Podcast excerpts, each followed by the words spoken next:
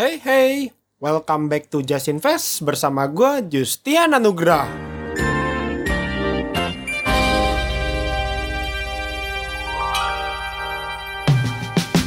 Yeay, balik bahas obligasi.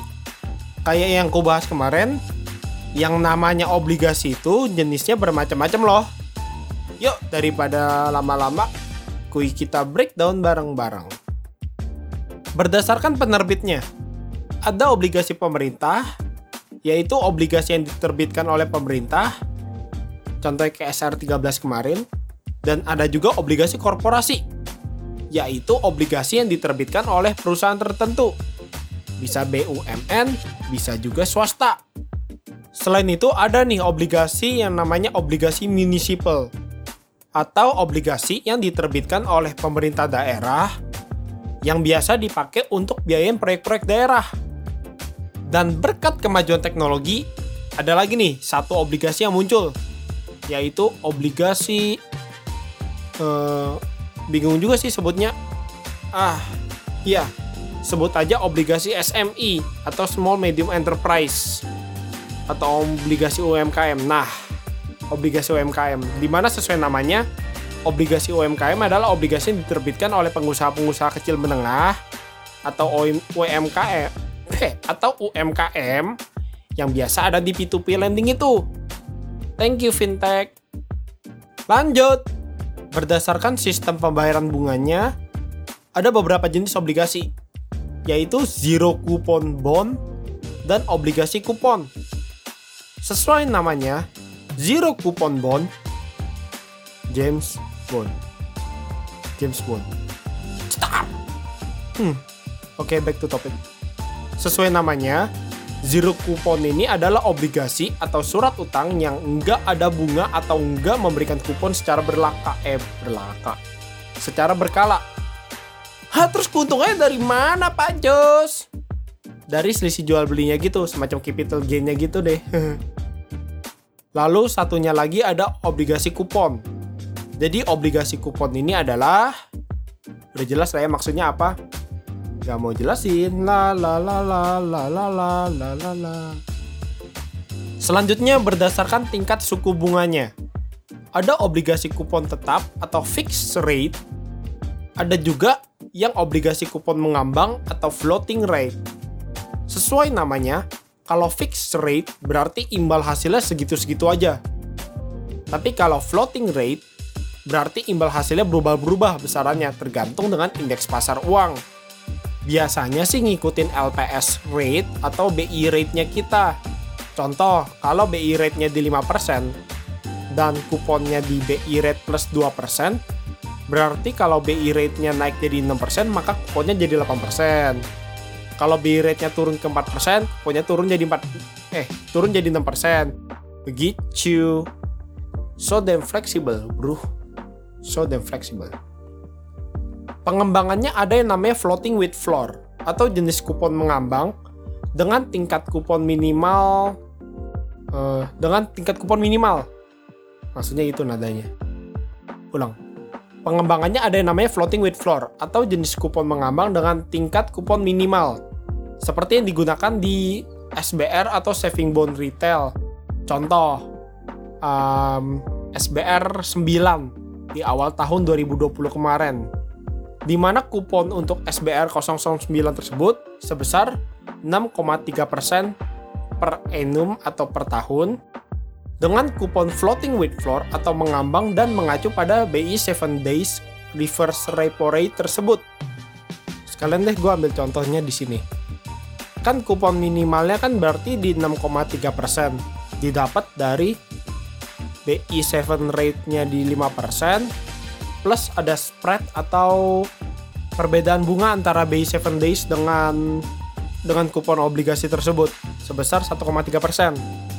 Nah, kalau misalnya dalam jangka waktu obligasi itu pada bulan tersebut BI7 days-nya BI7 days-nya naik jadi 6%. Jadi kan sebelumnya itu 5%. Nah, ini naik nih ke 6% kalau misalnya dia naik ke 6%, maka dia akan ikutan naik juga tuh. 6% tambah 1,3 yang spreadnya tadi. Jadi kuponnya sekarang di 7,3%. Sebaliknya, kalau misalnya turun, misal sebelumnya itu BI 7 days rate-nya di 5%, sekarang turun jadi 4%, kuponnya nggak 5,3%, tapi tetap di 6,3%. Karena 6,3% itu adalah minimalnya, kupon minimalnya. Makanya dibilang floating mengambang dengan lantai, with floor. Ada batasan bawahnya. Seperti itu. Kebayang lah ya kurang lebih kayak gimana perbedaan antara fix floating dengan floating with floor. Lanjut ke berdasarkan waktu jatuh temponya. Ada obligasi jangka pendek, jangka menengah, dan jangka panjang. Yang ngebedain ada satu pendek, satu menengah, satu panjang. Jala ya. um, jadi kalau misalnya disebut obligasi jangka pendek itu obligasi yang jatuh temponya tidak lebih dari satu tahun kalau obligasi yang jangka menengah itu 1 sampai 5 tahun dan obligasi jangka panjang itu di atas 5 tahun. Simpel lah untuk itulah ya. Lanjut lagi ke jenis obligasi berdasarkan jaminan dan hak klaim. Jadi kalau berdasarkan jaminan dan hak klaim ini tuh ada dua. Yang pertama adalah obligasi dengan jaminan atau bahasa kerennya secured bond James Bond. Udahlah cukup. Gak usah kayak gitu lagi garing. Lalu ada lagi yang namanya obligasi tanpa jaminan atau insecured bond. Pertama yang obligasi dengan jaminan yang namanya obligasi dengan jaminan itu adalah obligasi yang dijamin dengan jaminan tertentu literally jaminan sih Suatu obligasi bisa disebut sebagai obligasi dengan jaminan kalau misalnya pihak yang mengeluarkan obligasi itu menjamin sebagian aktiva atau sebagian aset sebagai jaminan atas utang dari obligasi tersebut.